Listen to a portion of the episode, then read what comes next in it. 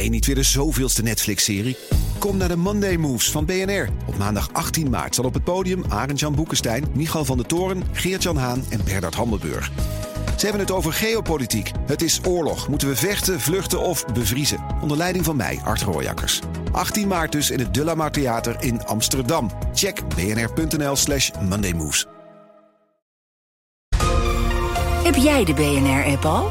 Met breaking news in de podcast Wereldveroveraars. Download de app en blijf scherp.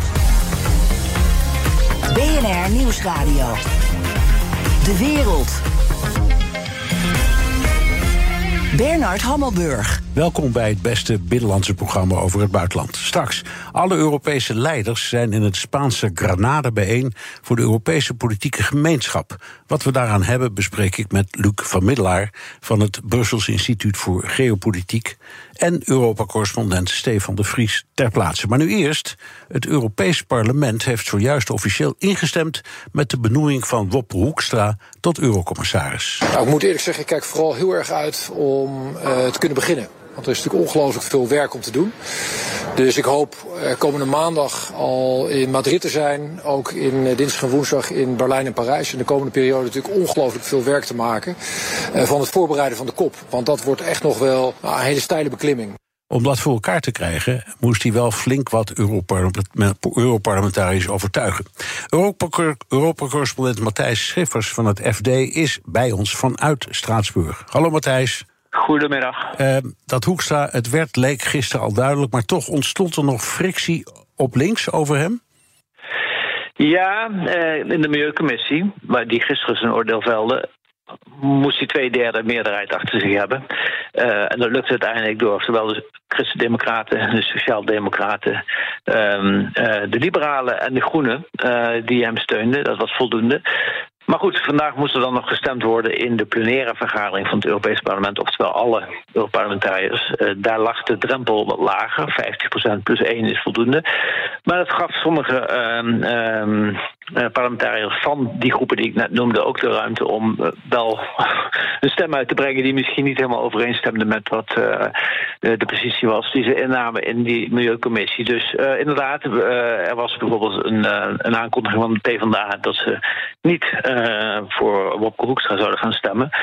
Terwijl ze wel onderdeel zijn van die S&D ja. uh, Sociaaldemocraten... die dus wel uh, in de Milieucommissie hun steun gaven. Ja, ja. Hoe heeft je zijn toelatingsexamen afgebracht? Zes minnetje of wel een acht? Wat vind je? Nou ja, als je weet waar die vandaan komt. Ja. Want er was natuurlijk erg veel sceptisch toen hij benoemd werd. Want ja, klimaat en natuur, dat is toch een, uh, een sociaal-democratisch dingetje hier geweest de afgelopen jaren. En dan komt er een christendemocraat voor die positie. Uh, terwijl die nou juist de laatste maanden zoveel oppositie hebben gevoerd tegen al die plannen van Timmermans.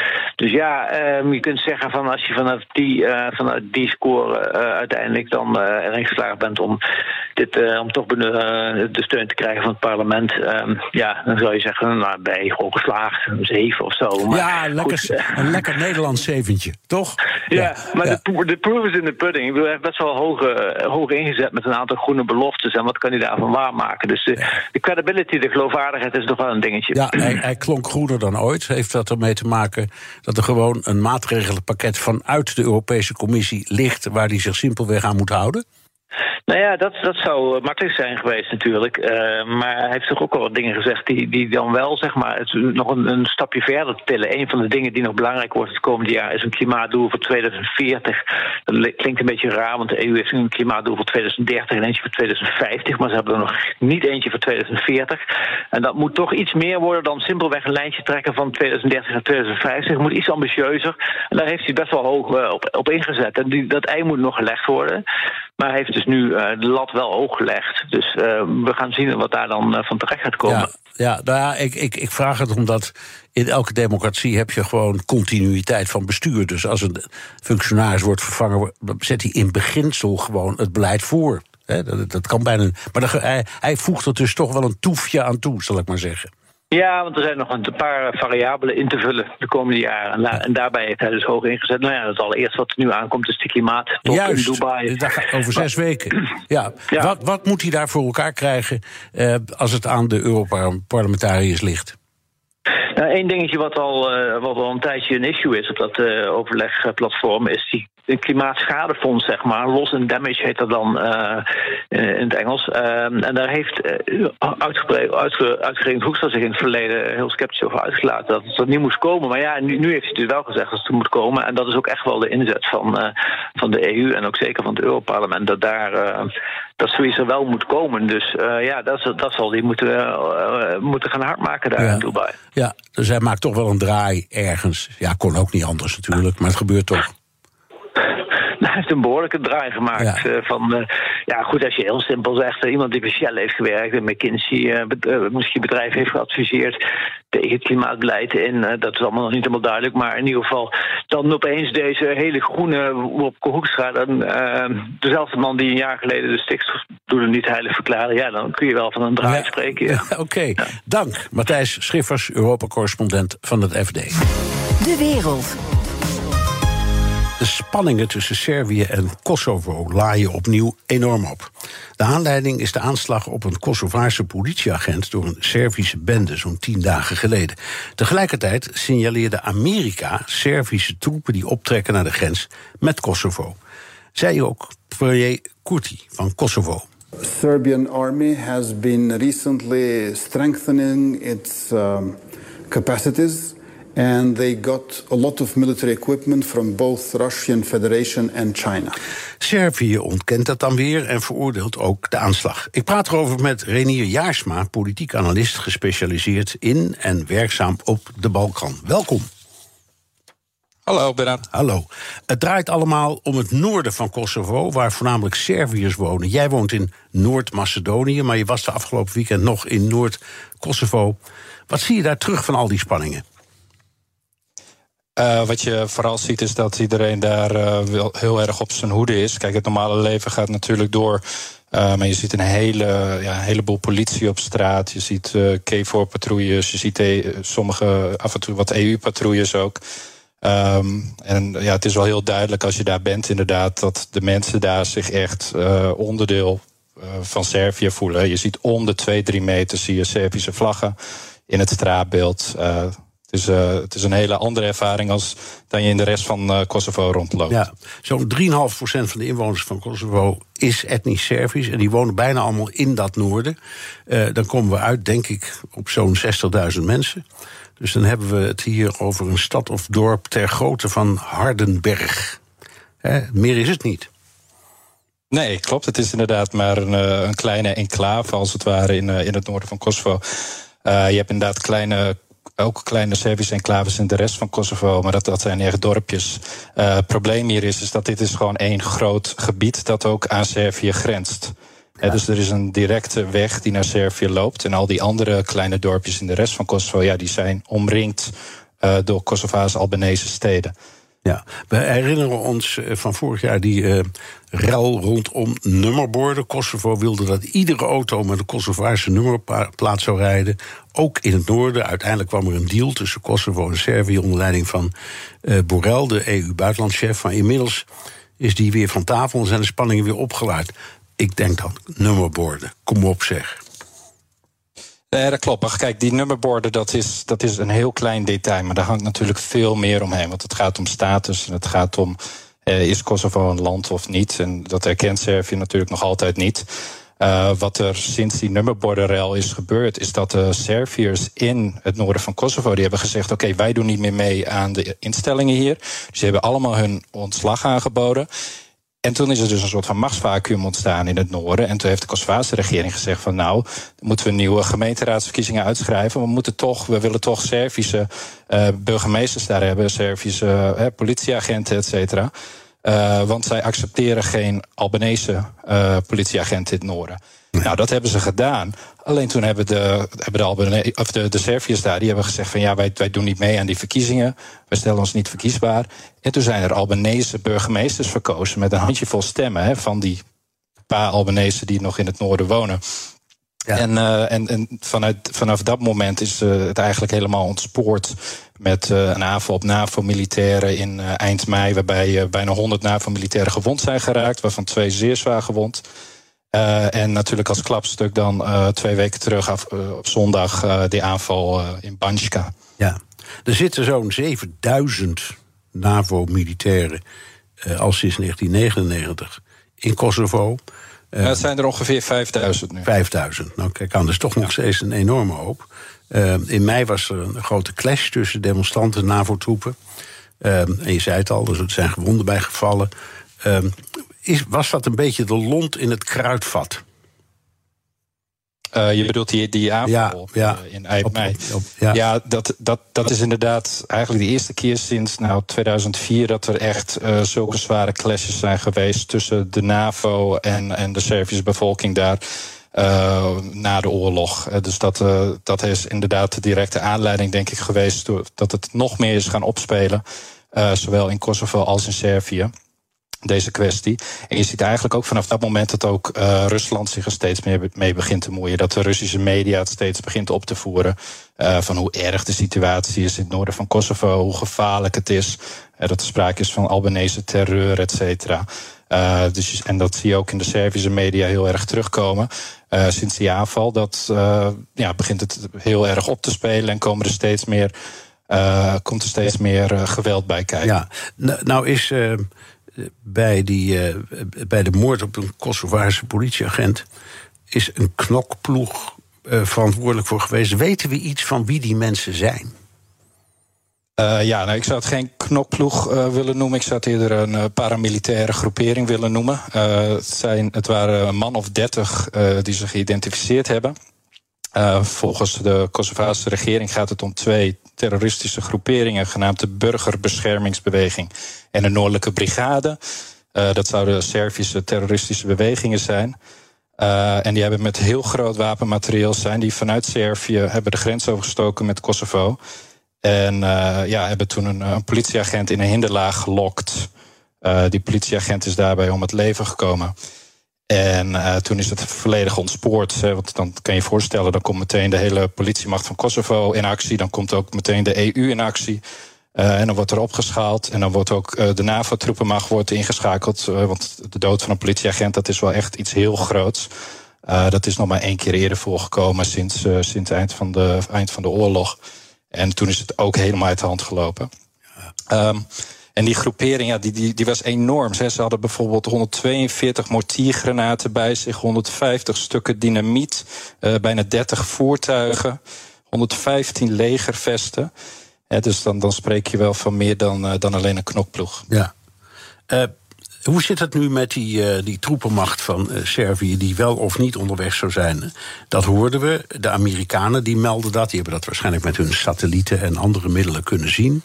Um, en uh, dat daar troepen richting uh, Kosovo gingen. Uh, daarop zei de president van Servië, Vucic, dat, dat valt allemaal mee. Dus zoveel is daar niet aan de hand. Wie heeft er gelijk? Uh, wat je ziet is dat op, op het moment dat het gebeurde, gelijktijdig daarmee heeft Servië, die heeft een stuk of veertig bases rond die grens met Kosovo. Er is een soort van bufferzone van vijf kilometer, uh, waarbinnen er heel goed wordt gemonitord, inderdaad, met satellieten en met drones, uh, wat daar allemaal gebeurt. En tegelijkertijd, dus met die aanval in, in Kosovo zelf, heeft Servië behoorlijk wat militairen inderdaad richting de grens gestuurd.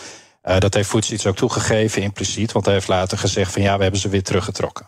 Ja. Daarmee geeft hij dus ook impliciet toe van... Hey, uh, ja, natuurlijk. Dus, dus, dus hij zegt het is gebeurd. Aan de kun je zeggen... zolang het op Servisch grondgebied is... ja, mag hij doen wat hij wil.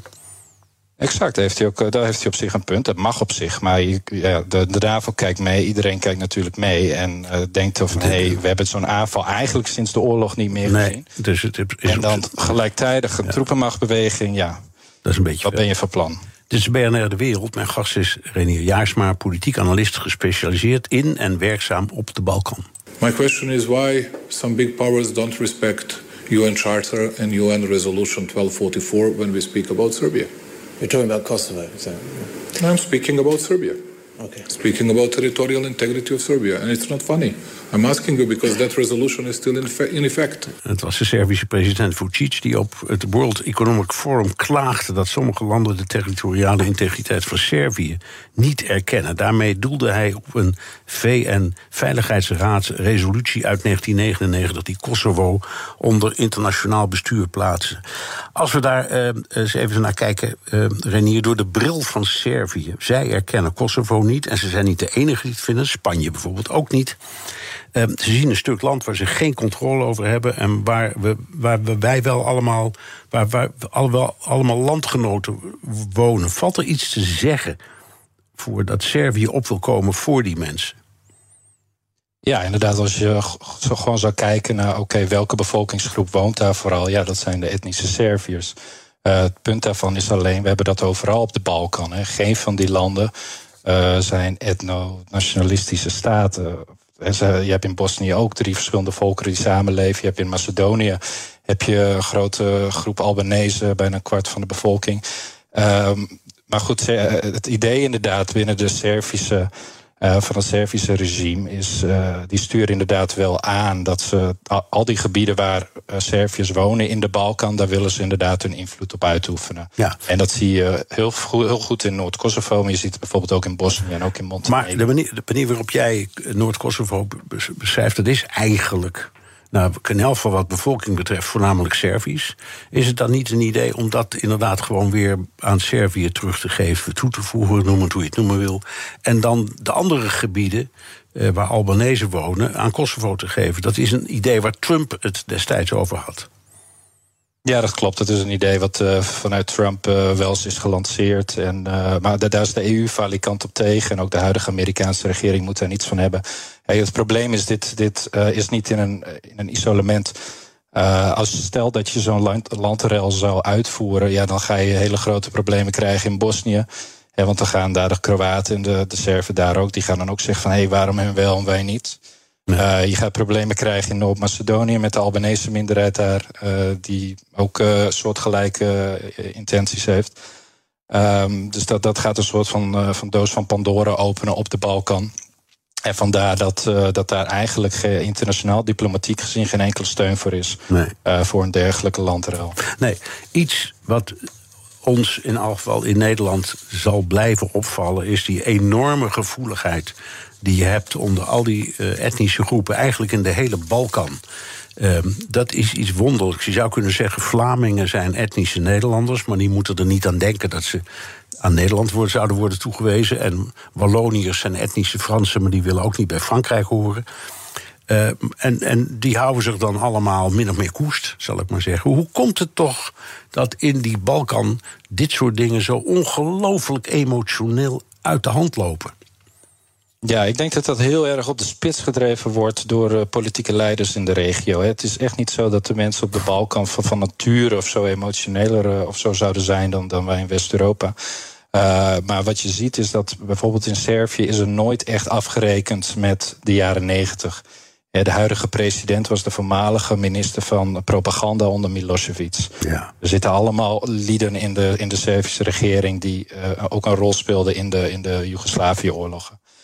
Um, dus op het moment dat je daar nooit mee afrekent en je laat die wond een beetje dooretteren en, en je stelt jezelf op als, als eh, slachtoffer van het hele conflict. Iedereen is tegen ons, wij hebben verloren, maar het was niet onze schuld, et cetera. Ja, dan reken je er ook nooit mee af. En dan kan je er constant, kan je, daarmee, uh, kan je dat weer gaan gebruiken om mensen een beetje tegen elkaar op te zetten. En dat zie je in Servië vooral, maar je ziet het ook in de andere Balkanlanden hoor.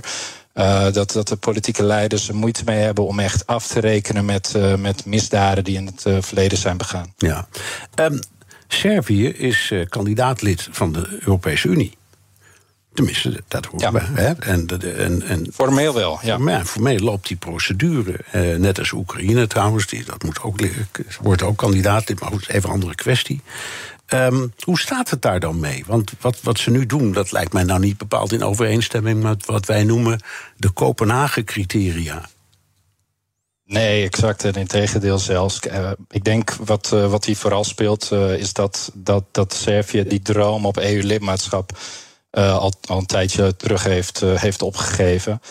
Um, ze werken er ook niet meer aan, er wordt niet hervormd. Uh, het, hele proces ligt stil. Er worden, er geen nieuwe hoofdstukken meer geopend en er worden ook geen hoofdstukken gesloten.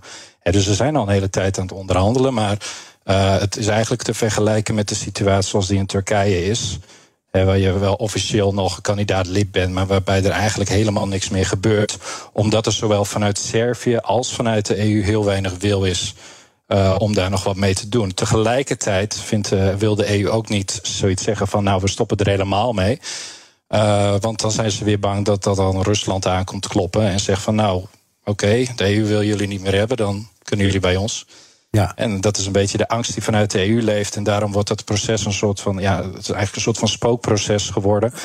Uh, wordt dat een beetje kunstmatig uh, in leven gehouden. Ja. Nou, die hele gedachte over uh, Rusland is natuurlijk niet, ook niet zo gek. Want ik, ik heb altijd begrepen dat de Serviërs en de Russen elkaar zien als Slavische broedervolkeren.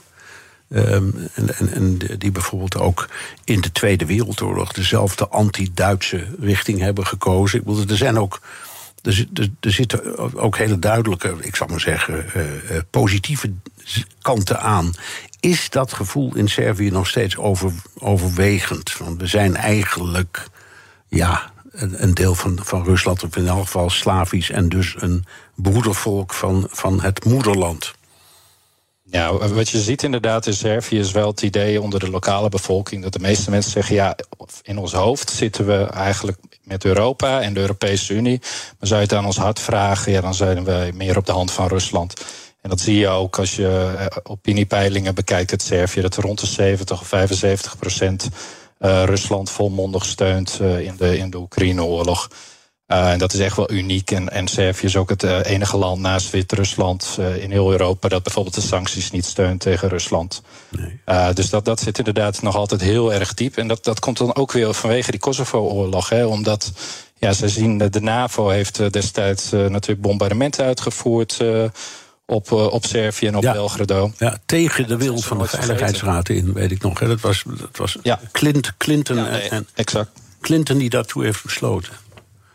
Ja, exact. En, uh, en dat zijn ze nooit vergeten. En, uh, kijk, en de reden daartoe wordt in Servië nooit echt op die manier uitgelegd zoals wij het in het Westen uitleggen. Hè, dat dat een noodzakelijke stap was van, van Amerika en van het Westen om, om daar in actie te komen vanwege de etnische zuiveringen in Kosovo. Kijk, in Servië wordt het heel anders uitgelegd. Nu nog. En, en daar is nooit enige verandering in gekomen of enig proces dat je denkt van, hè, laten we kijken of we hier misschien met een andere blik naar kunnen kijken. Zoals in Duitsland hebben, wel, natuurlijk wel hebben gedaan na de Tweede Wereldoorlog. En, en, zo'n proces is in Servië nooit op gang gekomen. Precies omdat het politieke regime daar uh, geen enkel interesse in heeft. En dat, dat, dat past helemaal niet in hun straatje. Ze willen juist dat slachtofferschap, dat willen ze benadrukken. En, uh, en, en maar doen alsof ze, ja, alsof ze aan, de, aan de goede kant stonden. Maar uh, zijn miskend door het Westen ja. destijds en nu nog. Dank. Renier Jaarsma, politiek analist, gespecialiseerd in en werkzaam op de Balkan.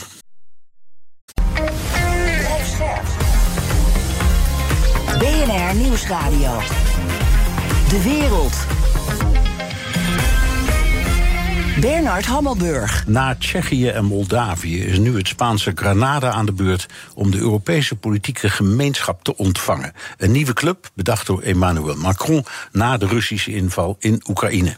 Maar de Europese gezindheid over Oekraïne brokkelt af. The morning after his election win, he told reporters his position on Ukraine is unchanged, that Slovakia has bigger problems. A reference to his election promise not to send a single extra round of ammunition to Kiev. Ja, dat ging over Robert Fico, de winnaar van de verkiezingen in Slowakije. Ik praat er dadelijk over met Luc van Middelaar, oprichter van het Brussels Instituut voor Geopolitiek. Maar we gaan eerst naar Grenada, waar Europa-correspondent Stefan de Vries zit. Hallo, Stefan. Dag Bernard. We hadden, we hadden gedacht dat we jou midden uit een persconferentie zouden rukken.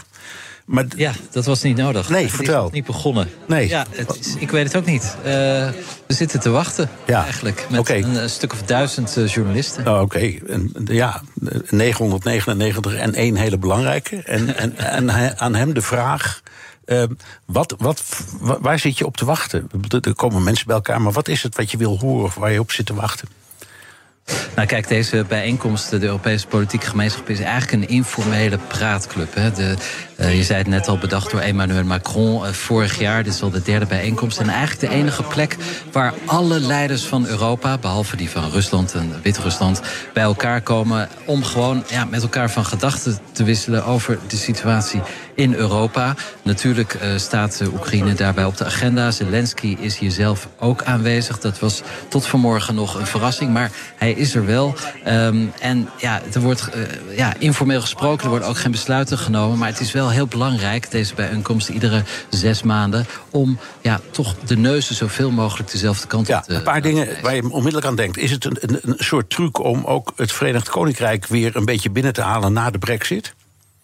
Ja, absoluut. Dat is ook een van de redenen van Emmanuel Macron. Hè. Die zei, ja, we zijn natuurlijk, uh, we hebben de Europese Unie, maar we zijn ook Europa. Uh, de, qua defensie is uh, Groot-Brittannië nog steeds een van de belangrijkste legers in Europa. Die moeten we ook erbij houden. En ja, de premier Sunak, ik heb hem ook vanmorgen gezien, die is hier ook bij en, en lijkt ook in zijn element, voelt zich ook gewoon thuis tussen al die andere Europeanen. Dus alsof er nooit een brexit is geweest. Nee, nou, terwijl die er toch echt is geweest, hè?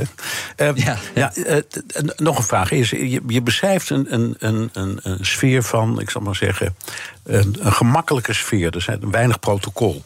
Zie je daar ook eigenlijk... mensen met elkaar praten die formeel eigenlijk niet met elkaar praten, of formeel ruzie hebben of niet willen praten? Dus of, of is dat niet zo? Blijven die elkaar in de gangen net zo vermijden als ze elders ook doen?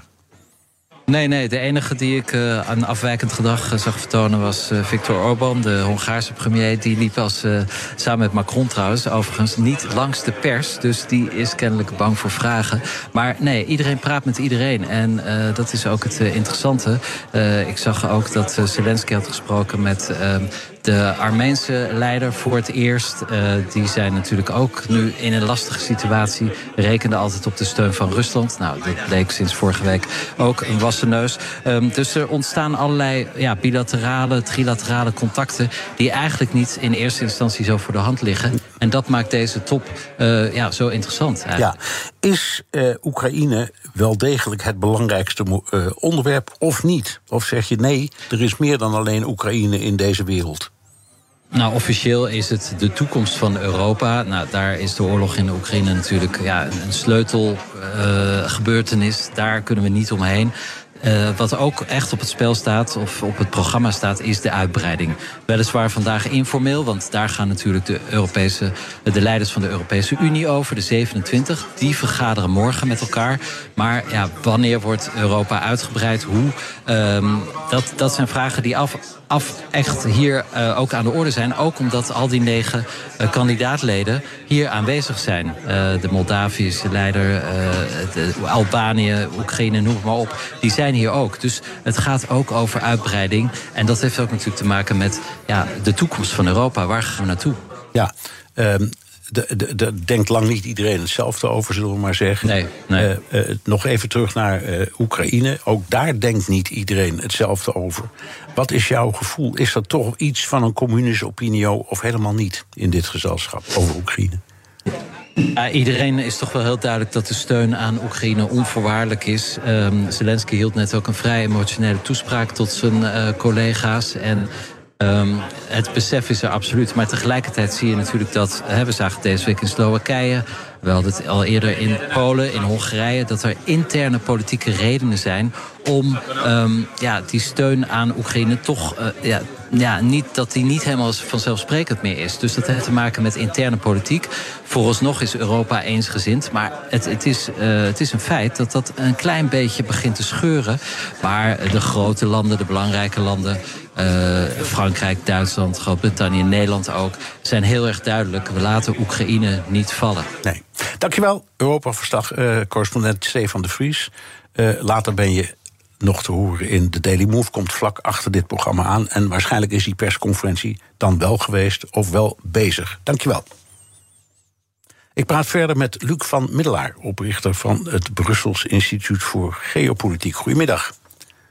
Goedemiddag, Bernard. Hi. In mei was jij uh, bij die Europese politieke gemeenschap. En toen kwam die bijeen in Moldavië. Een soort, zoals Stefan al zei, een soort vrijblijvende praatclub. Wat hebben we er eigenlijk aan? Ja, toen uh, was het helemaal aan de andere kant uh, van het Europese continent, uh, in helemaal het zuidoostelijke hoekje. En leiders konden toen bijna Rusland zien liggen, of een gebied dat Rusland bezet. En nu zijn ze dus in Granada, helemaal in het zuidwesten. En die, die geografische verspreiding geeft aan, het is een club, zoals Stefan ook zei, waar het gaat om Europa als continent. En niet om de EU alleen. Het is dus een club waar de leiders, want het is ook echt een leidersclub, presidenten, premiers die er zijn, kunnen praten over gezamenlijke belangen, vooral over veiligheid, over energie, over conflicten in de regio, uh, die denk ik vandaag ook hoog op de agenda staan in de wandelgangen. En dat is toch heel anders dan in EU-verband of in, in andere gezelschappen, waar het heel vaak om gaat. Nou, wat zijn nu onze gezamenlijke waarden? Wat zijn de regels? Wat zijn de instellingen? Kijk, deze club, die Europese gemeenschap, die is juist zo bijzonder en ik denk ook nuttig omdat het juist zo informeel is. Ja. Omdat er dus geen, of heel weinig protocol is. Er is een foto. Omdat er geen verklaring is die tot achter de komma moet worden uitonderhandeld. En dan waar en Viktor Orban en bij wijze van spreken de premier van Litouwen, hè, de een heel uh, pro-Russisch en de ander heel anti, het over eens moeten worden. Nee, het gaat er gewoon om dat ze elkaar kunnen ontmoeten. Zaken doen, hè, zo noemde premier Rutte dat ook een keer. Toen hij samen met de premier van Albanië, ook buiten de EU en ook enthousiast over dit gezelschap, een uh, stuk in de krant had geschreven. Ja. Waar, waar leiders dus heel informeel um, het over gedeelde belangen kunnen hebben. En ja, op een moment waar toch de geschiedenis enorm versnelt, om zo maar te zeggen. Waar je niet alleen Oekraïne hebt, waar iedereen mee bezig is, en met Zelensky vandaag mee bezig, maar waar ook op de Balkan de spanning tussen Kosovo en Servië oploopt. Ja. Een van de foto's die nu eh, op Twitter bijvoorbeeld de ronde doen, daar zie je de presidenten van uh, Kosovo samen met uh, Olaf Scholz en de premier van Griekenland, Mitsotakis, in gesprek, terwijl op de achtergrond de premier van Servië, die laatst nog milities tegen haar eh, wilde doen optrekken, in zijn eentje staan. Dus het gaat, het lijkt wat dat betreft, Bernard, een beetje op soms de Verenigde Naties. Je weet altijd, in september heb je die algemene uh, vergadering van de VN ja, in New York, waar alle leiders bij elkaar komen. En ik, zit er, ik, ik zit er elk jaar braaf bij. En in al die jaren heb ik, daar, heb ik daar nog nooit iets uit zien komen. Maar ik citeer dan altijd graag, graag Frans Timmermans, die zegt: Ja, maar je gaat naar dat soort dingen vanwege political speed dating. Je kunt iedereen in heel korte tijd zien. Is dat hetzelfde wat hier gebeurt? Dat is exact hetzelfde. Daar ga, hier gaat het ook om al die onder onsjes uh, in de wandelgangen, in de coulissen. Uh, en dan de belangrijkste, denk ik, waar iedereen naar zal kijken, zijn. Nou, de Armeense premier is daar, nou, dienst, niet dienstland, maar de Armeense enclave, die is bijna in oorlog nu met Ehm, met Azerbeidzjan. Ja. Leider van Azerbeidzjan is, is thuisgebleven. Die had geen zin om waarschijnlijk nee, snap te worden toegesproken. Maar, maar daar wordt toch naar gekeken. Ja, maar Nagorno-Karabakh bestaat helemaal niet, aan, nee eens meer. Dus valt er nog over iets te praten? Nou ja, ik denk dat het wel eh, de zaak is dat, dat, dat de situatie uh, stabiliseert. Dat, dat, dat ze elkaar... Uh, niet in de haren vliegen. Maar inderdaad, dat gaat bijna ja, richting ja. etnische zuivering wat daar is gebeurd. Ja, Daarom is eigenlijk Jazeri dit keer thuis gebleven. Ja. Vorige keer was hij er wel. En toen was dat eigenlijk een van de belangrijkste dingen uh, bij dat speeddaten. Want toen hebben Macron, Schulz met die uh, premier van Armenië en de president van Azerbeidzjan een belangrijk gesprek gehad. Maar helaas heeft dat tot niks geleid. Dat is dan inderdaad heel spannend. Nee, maar dat, je kunt zeggen, daar, daar moet je mild over zijn, want dat gebeurt. En het feit dat ze weer bij elkaar zitten, ja, dan probeer je het opnieuw. Dus dat, dat, ja, en er komt ook weer, kijk, uh, er is ook, dit is nu de derde uh, top, uh, deze is in Spanje. Maar ook de volgende, en dat is ook interessant. Jullie hadden het daar net al over met Stefan. Die zal in Londen zijn. Dus volgend voorjaar gaat dit hele Europese continent, al die leiders, die worden dan uitgenodigd door, ik neem aan, Sunak nog, als er niet van tevoren verkiezingen zijn. Ja. En de Britten nemen dit heel erg serieus. Hè. Die zullen daar dus ook echt werk van gaan maken. Want die zitten niet meer in de EU. Dus, en die hebben dit forum kunnen ze gebruiken als, om te tonen dat ze weliswaar weg zijn uit de EU. Pittige scheiding. Maar wel nog deel uitmaken van het Europese continent. En die voelen dat ook. Hè, en dan gaat het over die onderwerpen die we al noemden. Ook over migratie. Dat is iets waar de Britten natuurlijk veel mee bezig zijn. Bootjes over het kanaal. Dus ook dat, nogmaals, het raakt aan gedeelde belangen, aan veiligheidsonderwerpen. Uh, waar leiders informeel over willen spreken. En er is niet echt een andere plek Uh, in al die Europese constellaties die ze daarvoor hebben. Ja. Uh, dus voorlopig uh, absoluut het voordeel van de twijfel voor dit initiatief. Ja, dus wat jou betreft hulde aan Macron dat hij met dit initiatief is gekomen destijds. Zonder meer, ja. zonder meer. Ja. Want daar was een, lag een gat. En dat, het is ook echt op dit specifieke moment, zo kort. Hè, het voorstel kwam een paar maanden na de Russische inval in Oekraïne. Het is ook een uitdrukking dus van hoeveel Rusland overhoop heeft gehaald. Niet alleen Oekraïne, maar eigenlijk met de hele, zou je kunnen zeggen, continentale orde in Europa. En dan is gewoon een moment waarop je als leiders van de staten van Europa als gelijken bij elkaar komt. En dat, dat doet die EPG. Misschien zal het op een gegeven moment niet meer nodig zijn, maar nu, nu die oorlog nog heet is en er zoveel andere conflicten zijn, is dat echt een, een, een waardevol uh, forum. Dit is BNR De Wereld. Mijn gast is Luc van Middelaar, oprichter van het Brussels Instituut voor Geopolitiek. Overwhelming number of Republicans and Democrats in both the House and the Senate who support Ukraine. Let's vote on it. Stop playing games. Ja, president Biden die krijgt het steeds lastiger om Oekraïne te blijven steunen. Uh, en of de Europese landen dat nou wel of niet willen, een belangrijke factor is Donald Trump. Als hij weer president van Amerika wordt, dan kan het zomaar helemaal afgelopen zijn met de steun aan Oekraïne. Zijn de Europese landen zich daar genoeg van bewust en bereiden zich daar goed op voor, Luc? Nou, Bernard, ik vind dat zelf nog wel een beetje tegenvallen. Ik heb, uh, de sfeer is toch nog heel erg dat iedereen hoopt dat alles bij het oude blijft en dat in 2024 uh, eh, Joe Biden zal worden herkozen. En men weet wel uh, in Berlijn, in Brussel, uh, in Den Haag en elders dat er ook een heel reële kans is dat het Donald Trump wordt. Uiteindelijk is dat toch een beetje 50-50 Amerikaanse verkiezingen. Ja. Uh, want meestal zitten we daar uh, een nacht of soms nog meerdere dagen de nagel bijten wat de uitslag is. Hè? Dat is geen gelopen koers. Dus de kans dat het Trump wordt is, is toch ja, is reëel, moet je rekening mee houden. Nou, dat wordt eigenlijk nog vrij weinig gedaan, vind ik. En dat, is, ja, dat valt tegen als je weet. Wat je ik kijk alleen maar naar Oekraïne, wat, ja. wat, wat, ja, wat Trump van plan is. Die wil zo snel mogelijk dan uh, een soort deal sluiten met uh, Poetin. Ja. Zijn beroemde boek The Art of the Deal, weet je wel. Ja. Uh, dat wil hij dan weer gaan toepassen in de, in de grootmachtpolitiek. Ja. Dat betekent dat Europa dan alleen zou komen te staan met, samen met Oekraïne tegen Poetin. En dat, dat zal dus tot grote ja, spanningen en conflicten ook binnen Europa dan leiden. Of, of we dat eigenlijk wel kunnen houden. Ja, ja, ja. De, de, de aanklager in New York die bezig is met die belastingzaak, zal ik maar zeggen. Die noemt dat boek The Art of the Steel trouwens. Maar goed, mm. dat even tezijde. Um, uh, de, de, het, het, het, gaat niet alleen om de dreiging van Trump. Het gaat ook over iets waar Biden nu voor het eerst zelf voor heeft gewaarschuwd. Namelijk dat hij niet meer zeker is dat hij de steun krijgt in zijn eigen parlement, in zijn eigen congres. Om de, de, de steun aan Oekraïne voor te zetten zoals hij wil. Uh, ja, het, dat is en, wel opmerkelijk. Ja, en Want dat, dat moet dus in, onder dit gezelschap moet dat indruk maken. We zeggen, jeetje, als, als Biden zelf zegt... nou, het zou best eens mis kunnen gaan met de steun, financieel en materieel... ja, wat moeten wij dan?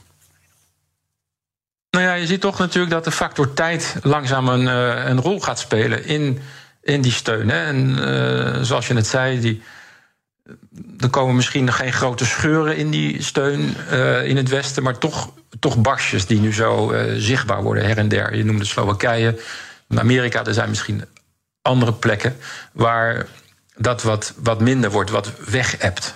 En nogmaals, dat heeft te maken met de factor tijd. In die zin dat meteen na de invasie. Ja, dat was zo verschrikkelijk. Hè? Dat was zo uh, overweldigend. Uh, dat onze solidariteit, ons medeleven met Oekraïne als, als buurland dat onder de voet werd gelopen door de troepen van Poetin natuurlijk heel groot was. En dat kreeg ook heel concrete uitdrukking, zou je kunnen zeggen, in, in, eh, nou ja, van mensen die Oekraïnse vluchtelingen in huis namen, tot toch ook in opiniepeilingen.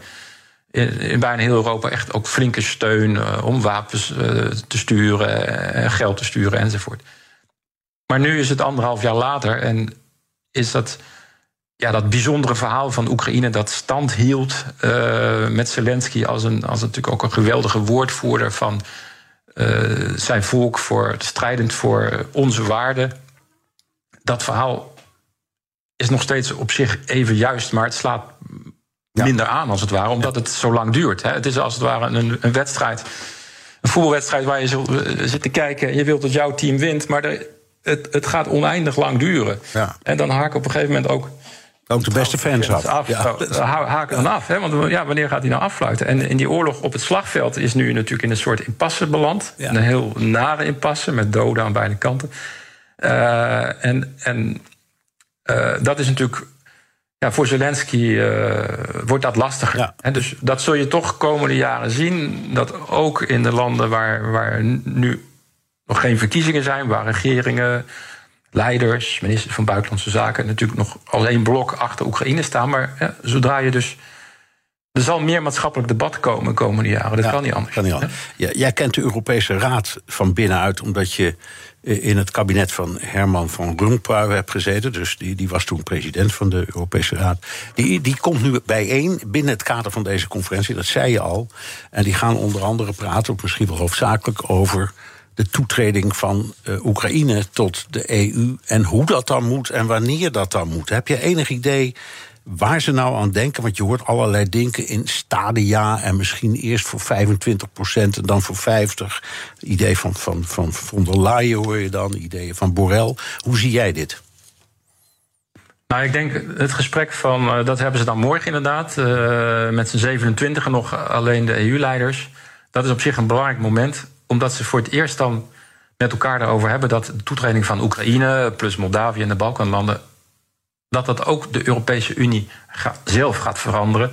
En dat die EU zich daarop moet voorbereiden. Dan kijken, ja, hoe gaan we dan dat doen met, met de besluitvorming, met de verdeling eh, van het geld, begroting en met beleid dat misschien anders moet worden ingericht. Eh, Denk aan landbouwpolitiek. En dat is een nieuwe discussie.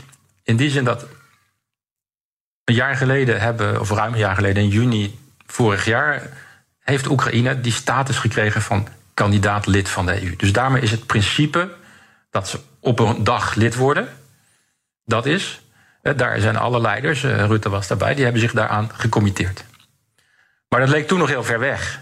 Weet je, eh, je en bovendien, ze konden het ook niet weigeren. Want Zelensky's huis stond in de fik, hij klopte aan de deur. Dus het was ook morele steun voor, voor, voor iemand in, in nood.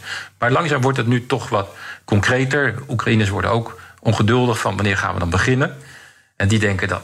Er zijn wel, denk ik, ongeveer de enige, maar die denken dat het al. eh, Begonnen is. Een jaar zou kunnen zijn. Ja, ja. Ja, de, de, de premier laat ze zeggen binnen twee jaar eh, zijn wij klaar. En, maar ik denk dat, ja, de, ja, dat is gewoon, eh, dat kan niet. Eh, eh, en, maar eh, het gaat dus dan heel vaak over het huiswerk dat de kandidaten moeten doen en alle eh, criteria waaraan ze moeten voldoen en de hervormingen en zo. En dat is de Balkanlanden, sommigen zijn daar al eh 15 jaar of langer mee bezig. Oekraïne nu, nu dus ook. Maar de discussie in Granada gaat dus ook over ons eigen huiswerk. Wat moet de EU doen om zich voor te bereiden? En dat is, dat is nieuw. Eén korte vraag die ik je nog wil stellen. In een column in de NRC schreef je dat uitbreiding van de Unie noodzakelijk, maar onmogelijk is. Waarom noodzakelijk en waarom onmogelijk? Nou, strategisch noodzakelijk. En nu politiek onmogelijk. Noodzakelijk, omdat met die invasie van Oekraïne door Rusland, daar hadden we het straks al over, eigenlijk het hele Europese continent overhoop ligt. En dat er een land als Oekraïne kan je niet meer in een soort niemandsland laten zitten, zoals we toch decennia hebben gezeten, in een soort bufferzone tussen Europa en Rusland. Dat werkt in deze verhoudingen met deze Poetin werkt niet meer. Dus op termijn moet je die deel uit laten maken van ja, de sfeer die de EU biedt aan, aan veiligheid en, en, en welvaart. Maar tegelijk is het nu noodzakelijk. eh, pardon, tegelijk is het nu eh, onmogelijk, politiek onmogelijk. Want als je, eh, zoals de Unie nu is, Oekraïne plus nog zeven, acht landen, Stefan noemde ze ook al, zou toelaten, dan haal je alles overhoop. Dan zou bijvoorbeeld de landbouwsubsidies met misschien wel 20% moeten worden gekort. Dan, dan, dan zou je eh, vrij verkeer van personen hebben met, eh, met, met een land van 40 miljoen inwoners. Eh, daar is de Unie gewoon zelf helemaal niet klaar voor. dus kan niet lukken. Nee. Het gesprek zal dan gaan over hoe lang gaat dat nog duren en welke hervormingen bij hen en bij ons moeten we daarvoor doen. En daar zijn we denk ik nog jaren mee bezig. Oké, dank Luc van Middelaar, oprichter van het Brussels Instituut voor Geopolitiek. Tot zover BNR De Wereld. Terugluisteren kan via de site, de app, Spotify of Apple Podcast. Reageren kan via een mailtje naar dewereld.bnr.nl. Tot de volgende week. Je hebt aardig wat vermogen opgebouwd. En daar zit je dan, met je ton op de bank. Wel een beetje saai, hè? Wil jij, als belegger, onderdeel zijn van het verleden of van de toekomst? Bridgefund is een slimme fintech die een brug slaat tussen de financiële behoeften van ondernemers en van beleggers.